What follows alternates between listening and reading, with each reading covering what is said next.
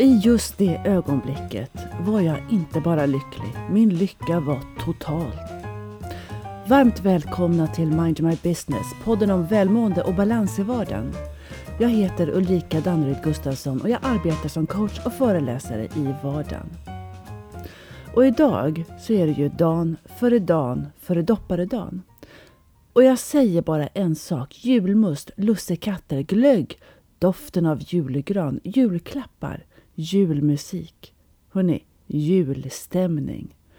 Upptakten har pågått hela december och snart står vi inför crescendot. När vi säger julstämning, ja då är det ju en känsla vi refererar till. Och vad är julstämning för dig? Jag vet vad det är för mig. Det är när allt stämmer, när en kravlös, ansträngningslös och glad känsla infinner sig. För det är vad jag minns att julen kändes som, som barn. Och det sitter väl förankrat i mig. Och när jag var barn då firade vi julen uppe i Åsele, i Lappland. Mitt i tomteland brukade min morfar säga. Och vi körde alltid bil dit. Och ju mer norröver vi kom, desto mer snö var det och ju färggladare blev julgransslingorna utomhus. I Stockholm var ljusen alltid vita, men här uppe var de gröna och blå och röda och det var så vackert. Ja, min mamma brukar snabbt tala om för mig att det inte alls var särskilt snyggt. Men innerst inne så tror jag nog att hon tyckte att det var precis lika vackert som jag tyckte, även om hon hävdar än idag att hon inte alls tyckte det. Och mormor serverade alltid något brända köttbullar till middag när vi kom fram efter den långa bilresan. Och mjölken serverades ur en jättekonstig avlång mjölkförpackning tyckte jag. Och allt var så magiskt. Mor och morfar, moster och morbror och kusiner. Och på självaste julafton åkte vi häst och släde. Hästen hette Robin och var svart som ebenholts. Det var kallt ute och väldigt mycket snö. Senare på eftermiddagen ställde vi ut gröt till tomten på farstutrappan. Tomten bodde på Tomteberget och behövde faktiskt lite mat för att orka dela ut alla klappar, berättade mormor. Och så stod vi och tittade förväntansfullt i köksfönstret tills det, att vi såg honom komma gående i snön mot huset med en lykta i handen och en säck på ryggen. Och just i det ögonblicket var jag inte bara lycklig, när min lycka var total. Och det är den där eh, igenkänningsfaktorn av kärlek och närvaro som jag tror är anledningen till att vi jobbar så hårt på att återskapa det vi kallar julstämning år efter år. Vi vet hur det känns när allt är som vi vill att det ska vara. Vårt inre barn, minnet av när vi var små, präglade oss så starkt och så härligt. Och minnet sitter inte bara i tankarna utan i hela vårt varande, till och med i fantasin. Och där vet vi hur det känns när presenterna är inslagna och julbordet är uppdukat och det doftar hyacint i huset och fjärde ljuset brinner. En sån härlig känsla. Och nu vill vi inte bara återuppleva den känslan, vi vill ge den vidare. Till våra nära och kära och kanske framför allt till våra barn. Det är en tradition att känna julstämning, eller hur? Om man googlar på ordet tradition kommer förklaringen att en tradition är seder och eller bruk som återkommer vid vissa fasta tidpunkter och att det inte är åldern på själva seden som gör det till en tradition utan att vi upphöjer det till en tradition, det vill säga att vi tillskriver ett värde. Ordet tradition är latinskt och betyder överlämnande, ja som i ett arv skulle man ju kunna säga. Det som är viktigt för oss, det vill vi ge vidare. Och det som är viktigt för mig, det vill jag ge mina barn. En intressant fråga smyger sig in likt en tomtenisse som trippar på tårna. Tycker mina barn att det är lika viktigt för dem att det är hemlagat på bordet? Att köttbullarna är handrullade eller att julduken är särskilt manglad? Att huset är städat? Att faster Anna-Lisas omoderna änglar ska hänga julgranen år efter år? Är det lika viktigt för mina barn som för mig? Nej, det är det nog inte. Men om det är viktigt för mig för att jag ska hitta min julstämning, ja då är det ju relevant. Och det är relevant för att det ger mig lugnet och närheten som jag ju egentligen, egentligen vill ge vidare. Vi lämnar gärna vidare våra värderingar. Vet ni förresten hur många generationer det lär ta för att ändra en värdering? Ja, det lär ta tre generationer. Ni vet eh, sången Mamma är lik sin mamma är inte alldeles ute och cyklar. Mamma är lik mormor och förbereder julen i mångt och mycket som min mormor gjorde. Och jag är lik min mamma och vi tycker väldigt samma lika om hur det ska vara på julafton och vad som är viktigt inför julen. Och min mormor var lik sin mamma. Och jag gissar att jag och min mammas mormor är lika på vissa sätt men att vi i stort sett har många olika värderingar och vad som är viktigt och vad som behövs göras så här i jultider. Jag behöver inte laga ett helt julbord från grunden bara för att det är det enda alternativet som det var på den tiden. Jag kan om jag vill. Jag kanske till och med tycker att det tillför guldkanten på jultraditionen, men jag behöver inte. Jag kan förenkla processen nämnvärt och pipa in på närmsta matvarubutik och införskaffa det jag vill ska serveras. Jag behöver inte ens känna att jag köper mig fri. Ibland är det till och med billigare att dra fördel av butikernas stordrift idag. Men eftersom det har rullats köttbullar i min familj i alla år och min pappa var så tydlig med att de skulle vara små, för så gjorde farmor. Och pepparkaksreceptet, ja det är en hemlighet. Och så jobbar hela släkten och så har vi alltid gjort. Och doppet i grytan, det ska ske vid spisen, absolut inte vid matbordet. Och så gör jag också. Och ingen av oss skulle komma på den alldeles galna idén att ändra på det. Men om känslan infinner sig i form av ett krav av att Ah, man måste ju lägga in sin egna sill och man måste faktiskt grava sin egna lax för annars är det ju inte på riktigt och då är det ju inte bra och då är ju jag inte... Ja, och så lägger man sina sista timmar på saltblandningar och dill och vända och ni är med, vårt egenvärde ligger plötsligt i den gravade laxen. Och Det här är ju ett klassiskt exempel på att syna och kanske välja vilka värderingar som man egentligen har plats för i sitt liv idag och inte bara låta dem hänga kvar för att så har vi alltid gjort. Tanken finns. Däremot så har vi flera, ja, något krångliga traditioner som sitter kvar för att vi har tillskrivit det ett värde. För att det är viktigt för oss och för att vi vill föra konsten vidare av att kunna vad det nu är vi vill kunna Ja, det är kanske den gravade laxen eller pressade julduken eller vad det nu är. Och för att det i sig är en stämningshöjare. Och som jag brukar säga, det finns ju ingen anledning att ändra på något överhuvudtaget om allt är fint som snus. Men om du känner att livet snurrar lite väl fort och att andningen sitter uppe i bröstet och att du börjar glömma bort vad det egentligen är som är viktigt i ditt liv. Därför att tempot, det här livstempot har satt dig i en skenande julkälke. Ja, då finns det ju all anledning att våga utmana sitt eget sätt att ta sig an vägen mot julstämning. Jag säger våga, för det finns en risk med att ändra sitt mönster. Tror vi. Det finns en risk att jag kanske inte kommer må bättre tror vi. Eller att det finns en risk att jag alltså kommer må sämre, tror vi. Vi vet vad vi har men inte vad vi får, så vi väljer, medvetet eller omedvetet, att fortsätta att sitta ner eller balansera i den skenande släden. Det lär ta tre generationer att ändra en värdering, men det behöver kanske inte ta tre generationer för att ändra en tradition. Och vad är kärnan i din tradition? Och vad vill du ska vara kärnan i din tradition? Jag vill att min kärna ska vara lugn, harmoni och närhet. Jag vet att det gör mig lycklig. Det är vad jag jobbar mot och påminner mig om när jag fastnar i min egen vinkelvolt av alla upplevda måsten och borden. Och just det, det är ju lugn och harmoni och närhet. Och vet ni, hur självklart det än låter så behöver vi stanna upp ibland och påminna oss om vad det är som är viktigt för oss. Särskilt när vi fastnat i den så kallade beryktade vinkelvolten. Och det vill jag också säga att alla upplevda måsten och borden jag känner kommer från mig själv och ingen annan. Egentligen.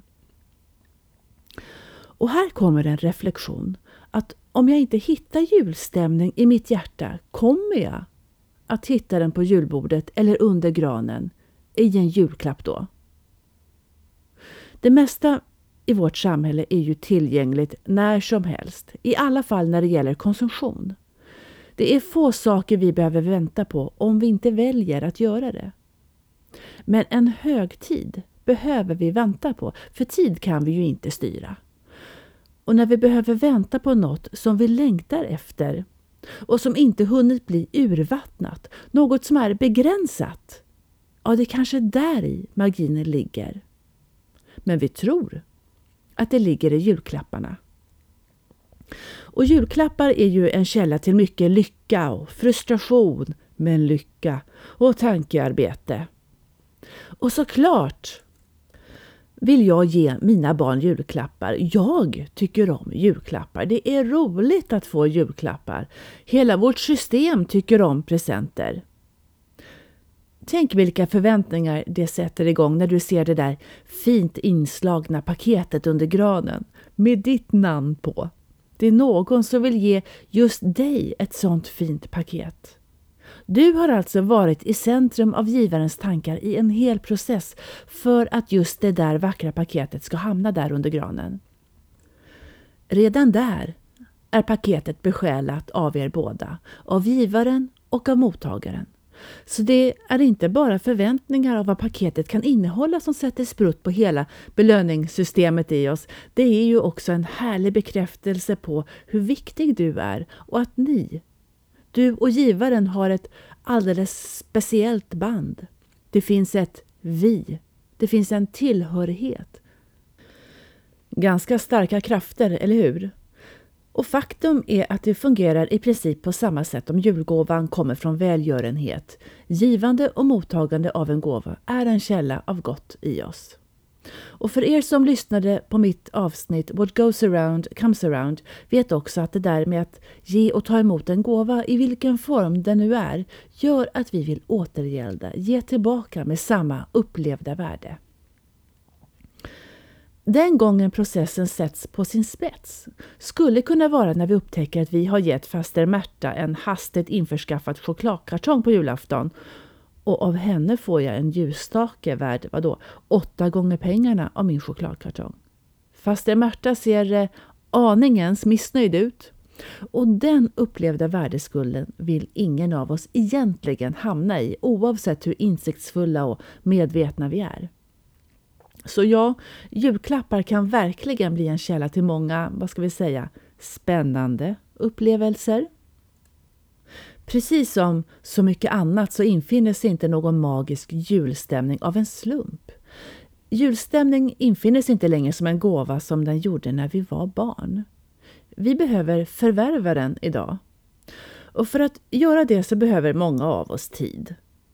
Och många av oss upplever att vi har en tidsbrist. Så vi är helt medvetna om att vi skjuter upp saker till sista sekund. Och för er som lyssnade till avsnittet Flow in Action kommer du ihåg vad det handlar om. Det vill säga, när vi upplever oss ha kniven mot strupen så tvingas vi in i ett fokus av tidsbristen, ett fokus som vi annars inte riktigt haft förmågan att välja och prioritera.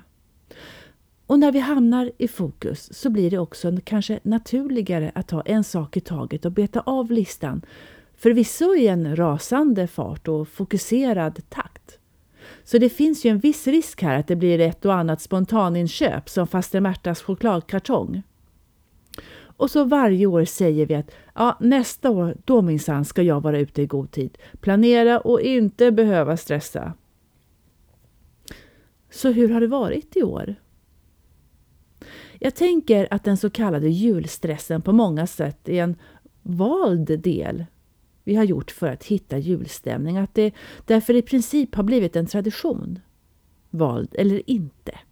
För annars så skulle vi ju lyssna till och vi skulle omsätta råd som att ja, all mat på julbordet behöver inte vara hemlagat.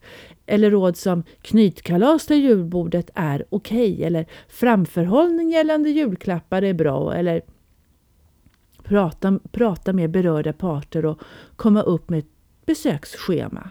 Eller vad det nu är som gör att vi tycker att december månad blir så jobbig. Vi vet allt det här.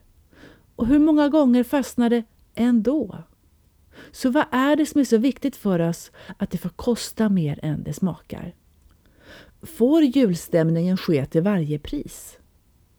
Vad är det som är så viktigt att den får kosta en migrän lagom till Kalle, eller tidigare än så för den delen? Är den så viktig att vi missar att känna närvaro kvällen innan julafton? Är den så viktig så vi kämpar in i det sista med att hinna med alla jobbsamtal och möten för att ha ett rensat arbetsbord hela sista veckan på året? På bekostnad av... Ja, alltså, hur mycket får det kosta? Vad är det du skulle vilja förändra men inte hitta kraft till? Med andra ord, vad betalar du i mental, känslomässig och fysisk valuta för julstämningen? Vart eller till vem har vi givit makten för vårt välbefinnande? Är det kanske faste Märta? Om faste Märta inte är nöjd så är ingen annan nöjd. Och så får jag den där gnagande otydliga skuldkänslan i mig. Ja, för många gånger handlar det ju om att vi inte vill göra någon besviken. Och för att inte riska att göra någon missnöjd eller besviken så tar vi på oss ansvaret för det. Och vi kanske känner oss skyldiga att vara den som tar ansvaret för att andra ska lyckas hålla humöret uppe. Och så går vi den där fina balansgången mellan andras behov och önskemål på bekostnad av oss själva. Och vad händer med oss då? Ja, ofta tycker vi kanske att det är lättare att ta ett djupt andetag, hålla för näsan och göra som vi alltid har gjort, än att skapa en eventuell konflikt. För vissa jobbigare än andra. Vi är så olika och så måste det få vara. Det finns olika typer av konflikter såklart. Men en otrevlig stämning är ju sällan något vi önskar oss i jultider. Vad har vi för värderingar runt konflikter och jul? Är det inte nu alla ska vara så glada? Vi sjunger om att alla är så glada i alla sånger och vi ser det på filmer och vi ser det i sociala medier. Är det kanske så att det är hög status att visa andra att vi är så lyckliga både innan och under jul? Och så jämför vi oss med andra ju. Och känner stress när vi ser att alla andra har det så stilla och roligt och, eller busigt. Och hur har jag det? Är det okej okay att tycka att julen är blä? För det är många som tycker att julen är jättejobbig och värre blir det eftersom vi förväntas vara så glada. Och här tycker jag att det är dags att sätta ner foten. Håller ni inte med mig? Vi känner det vi känner. Ingen värdering i det. Jag kanske tycker att julen är alldeles underbar. Ingen värdering i det. Eller jag kanske tycker att julen är otroligt jobbig. Ingen värdering i det. Och när jag säger ingen värdering i det, då menar jag att det inte definierar oss som bättre eller sämre människor på något sätt. Punkt slut. Dock kommer jag tillbaka till att vi speglar oss i våra medmänniskor, särskilt under högtider. Och det gör ont i oss när vi ser andra lida. Och jag vill faktiskt kort säga att om jag fick önska mig någonting av tomten så skulle det vara World Peace. Min själ förfäras och jag känner en enorm avsky över det som händer i världen idag och jag känner så starkt att jag vill göra det jag kan. I årets julundersökning som ICA har gjort så står det att två av fem svenskar, alltså 42 procent, kan tänka sig att bjuda in någon som annars skulle vara ensam i sitt julfirande. Och 43 procent av svenskarna kan tänka sig att göra en insats för människor som är ensamma under jul, exempelvis som volontärer. Och att 16 procent uppger att de skänker mer pengar till välgörande ändamål under julen än vad de gör annars under resten av året. Ja, det gör gott i oss att vara goda mot andra. Och vi ser massor av kreativa lösningar till att hjälpa dem som inte har det lika bra som oss själva. Och när vi hittar det goda i oss själva, som julen ju mycket handlar om, vill vi ge gott till andra. Och när du hittar det goda i dig själv, ge det även till dig själv. Så passa på nu, var tillsammans med dem du tycker om, ät vad du vill, lägg ifrån dig mobilen, ta en promenad och säg god jul till någon du möter, somna framför TVn. Och jag vet att just i det ögonblicket, på julaftonskväll, när det stillar sig och när jag har familjen riktigt nära mig i soffan och elden sprakar i kaminen, Karl-Bertil Jonsson visas på TV, då kommer jag idag vara som allra lyckligast. Och med det sagt så vill jag önska er alla en riktigt, riktigt god jul. Och glöm inte att blåsa ut ljusen sova. Släckta är och ljusen, är och ljusen. Tipp-tapp, tipp-tapp, tippe-tippe, tipp-tapp, tipp, tipp.